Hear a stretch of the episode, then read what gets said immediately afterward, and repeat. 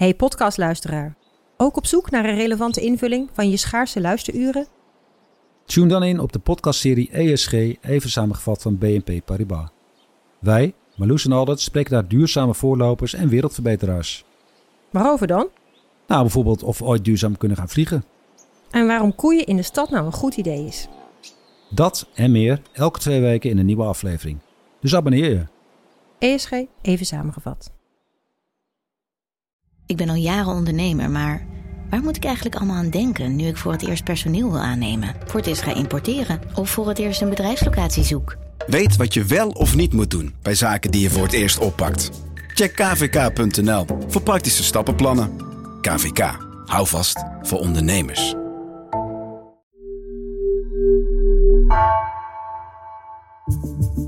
Vanaf de redactie van NRC het verhaal van vandaag. Mijn naam is Misha Melita.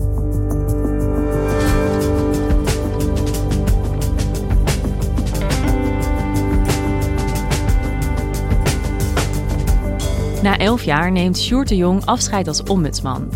Hij was de eerste met die functie en had de taak om de journalistiek van NRC kritisch en onafhankelijk te bekijken. En zijn inbox zat stevast vol met duizenden reacties van lezers. Hoe heeft hij de journalistiek zien veranderen in elf jaar tijd? En wat zijn op dit moment de grootste uitdagingen?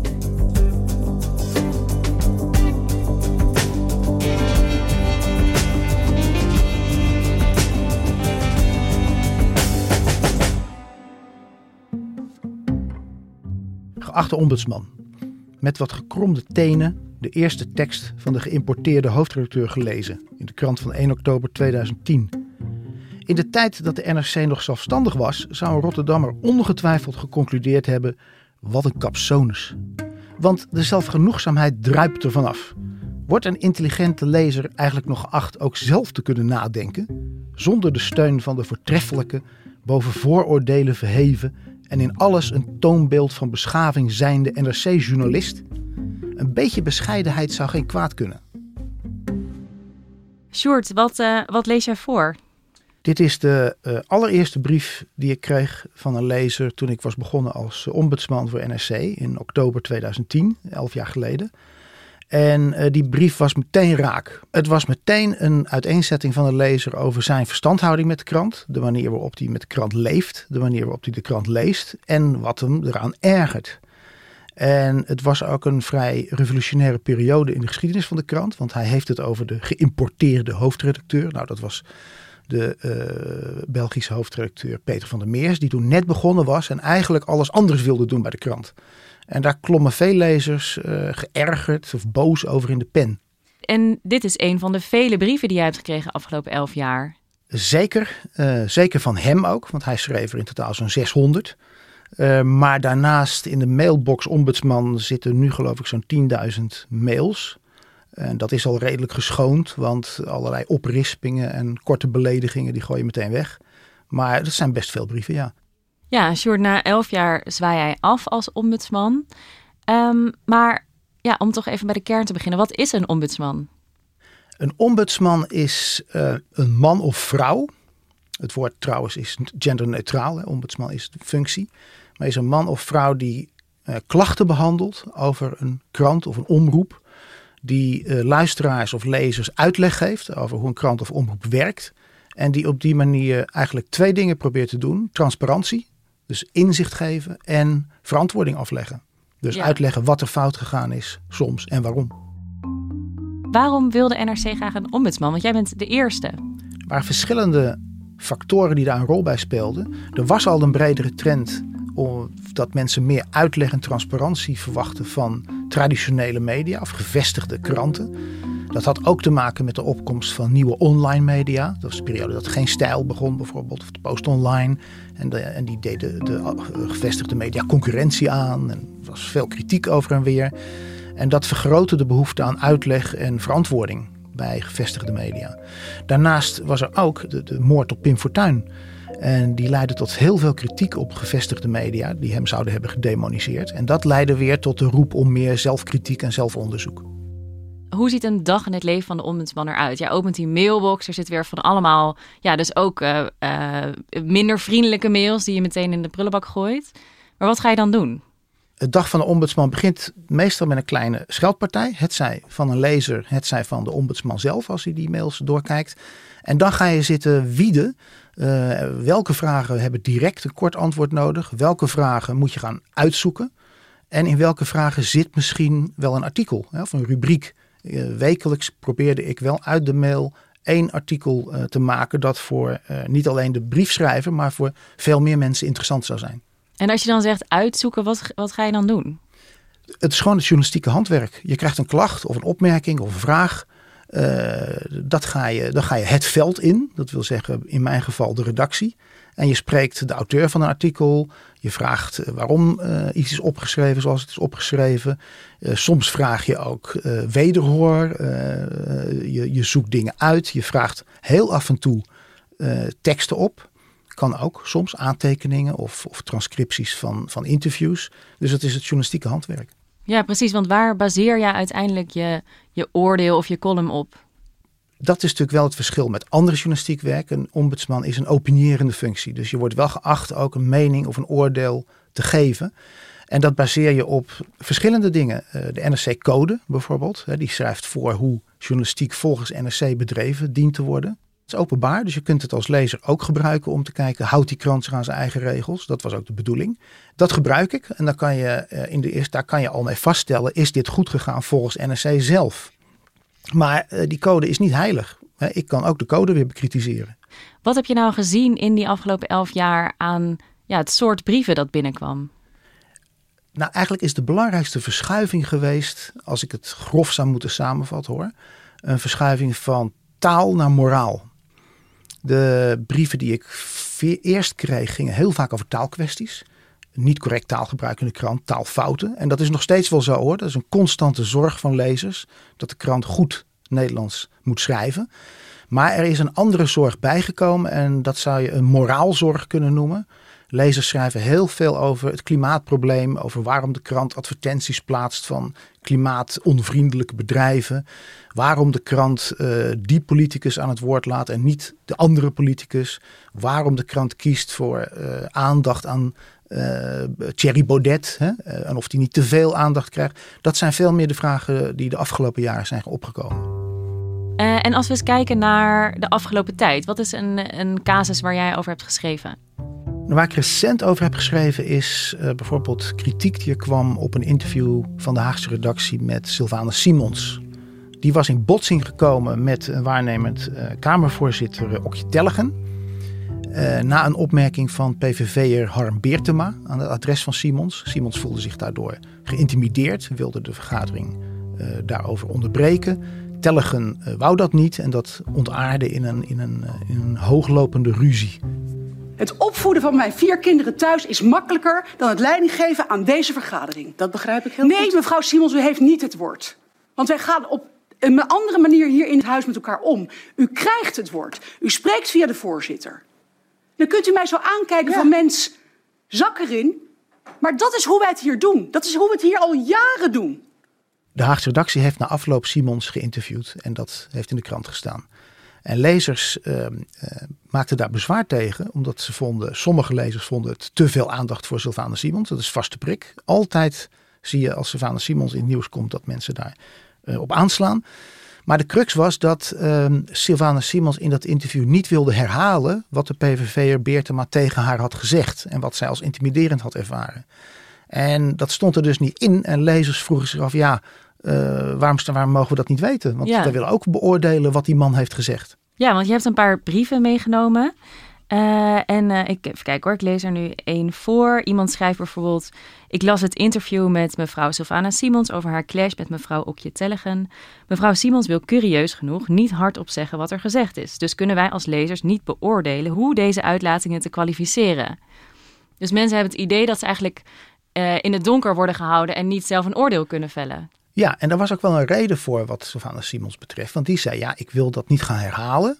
Want dan gaat het alleen nog maar over de vraag hoe erg die opmerking wel niet was. En dan gaat het niet meer over uh, wat ik wil zeggen over uh, mijn ervaringen in de Kamer. Dus dat was wel een, valide reden. En de Haagse redactie, of de interviewers die haar spraken, die gingen daar ook in mee. Die zeiden, ja, oké, dat laten we dan zitten. Die hebben het ook niet verder uitgezocht bij Beertema of andere Kamerleden. Met eigenlijk hetzelfde argument. We willen dat niet weer herhalen, want dan gaat het alleen nog maar weer daarover. Dat vond ik wel een goede reden. En tegelijkertijd ben je als lezer natuurlijk toch gewoon benieuwd. Wat heeft die man dan gezegd? Uh, niet om te bepalen uh, hoe erg dat nou was, maar omdat het ook iets zegt over de manier waarop Sylvana Simons erop reageerde. En wat ben jij toen gaan doen? Want je kreeg best wel veel reacties daarop. En toen ben jij dus gaan nadenken van, wat vind ik hier eigenlijk van? En wat vindt NRC-code hiervan? Ja, en uh, Beertema maakte ook bezwaar tegen dat interview. Want op Twitter beweerde hij uh, dat, hij geen, dat hem was geen wederhoor verleend en dat het wel gemoeten. Nou, dat vond ik geen goed punt. Want het ging er niet om dat hij van iets verschrikkelijks uh, werd beschuldigd. Simons gaf een ongezouten mening over hem. Dat mag, daar hoef je niet voor publicatie wederhoor op te vragen. Dus dat vond ik geen goed punt. Maar ik vond het wel een goed punt van die lezers. Die zeiden, ja, maar we willen eigenlijk toch wel weten wat die man heeft gezegd. Dat hoort gewoon bij het verhaal. En wat was uiteindelijk jouw conclusie? Ik vind dat dit toch wel in het verhaal had moeten worden opgenomen.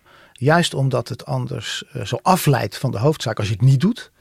En omdat het ook wel relevant is uh, in de context van bijeen. Die een partij is die toch heel erg gedifferentieerd kan denk, denkt over racisme, racistische verwijten, microagressies, white rage, dat soort termen komen allemaal voor, ook in het interview. En dan wil je toch ook weten, hoe, waar past dit dan in? Ja, precies. En dan is het dus eigenlijk, was het ook journalistiek gezien interessant geweest om te weten wat er gezegd is. En hadden de journalisten daar misschien op door moeten vragen? Ja, dat denk ik wel. Het zegt niet iets over de aanvaring met Okje Tellegen, de Kamervoorzitter. Want die had die opmerking van Beertema ook niet gehoord op slotverrekening. Maar het zegt wel iets over uh, de reactie van Simons en ook over de manier waarop zij zich in de Kamer uh, haar rol beleeft. Wat gebeurt er dan vervolgens op de redactie? Als jij dat onderzoek hebt gedaan en je komt eigenlijk terug met deze conclusie, je schrijft daar een column over. Wat gebeurt er dan? Uitgangspunt is dat mijn oordelen en meningen in die rubriek zijn persoonlijk. Dus de redactie of de krant of de hoofdredactie hoeft daar niks mee te doen. Het, ik vind het natuurlijk prettig als men het ermee eens is. Maar eh, de krant kan het ook naast zich neerleggen.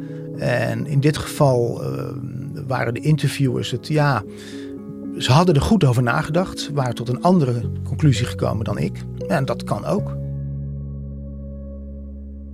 Jij zei er was eigenlijk in die afgelopen elf jaar een verschuiving van taal naar moraal. Uh, is, dit hier, is dit daar een voorbeeld van? Een beetje wel, want wat je ook kan zien, en dat is een, een, uiteindelijk een morele kwestie, dat is dat steeds meer lezers bezwaar maken tegen het überhaupt het feit dat iemand aan het woord gelaten wordt. Er waren nu ook weer lezers die klaagden dat Sylvana Simons zoveel ruimte en aandacht kreeg in de krant. Dat willen ze helemaal niet, dat willen ze niet zien. Het omgekeerde gebeurt ook, dat als er weer iets over Baudet in de krant staat, dan krijg je ook mensen die zeggen, geef die man geen platform.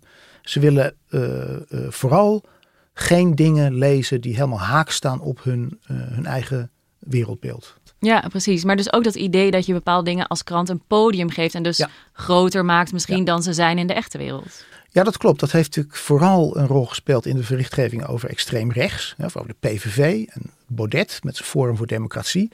Er is een sterke neiging uh, bij lezers, en dat wordt ook wel onderbouwd met sociologisch onderzoek, dat hoe meer aandacht je geeft aan dat soort extreme geluiden, hoe meer je ze eigenlijk ook verspreidt. Hoe meer je dus het vuur zuurstof geeft, uh, zullen maar zeggen.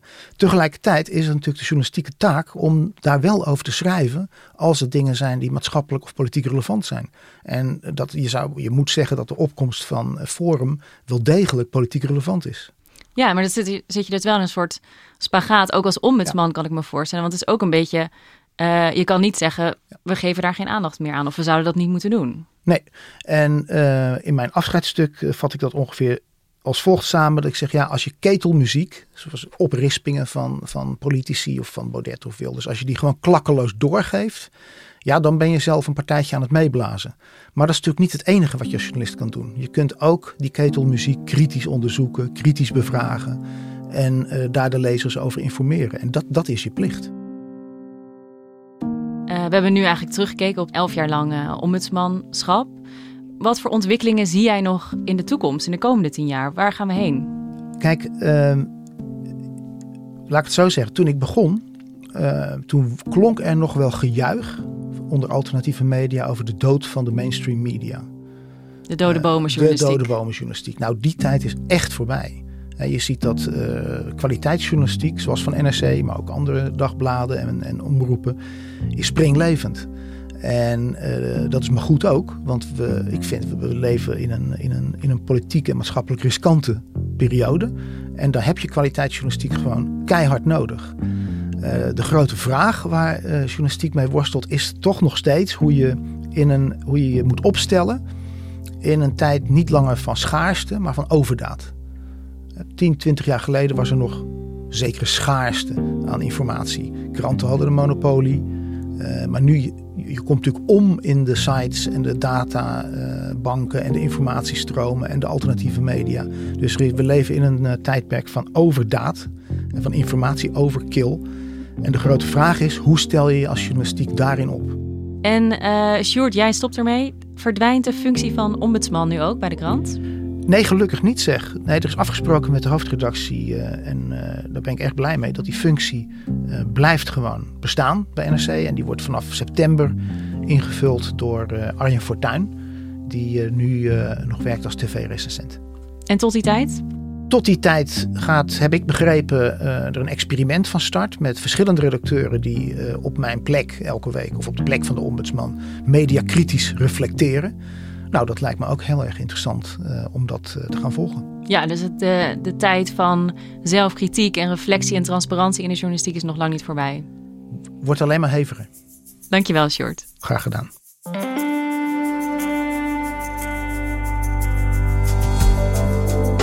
Je luisterde naar vandaag, een podcast van NRC. Eén verhaal, elke dag. Deze aflevering werd gemaakt door Mila Marie Bleeksma en Marco Raaphorst. Dit was vandaag, morgen weer.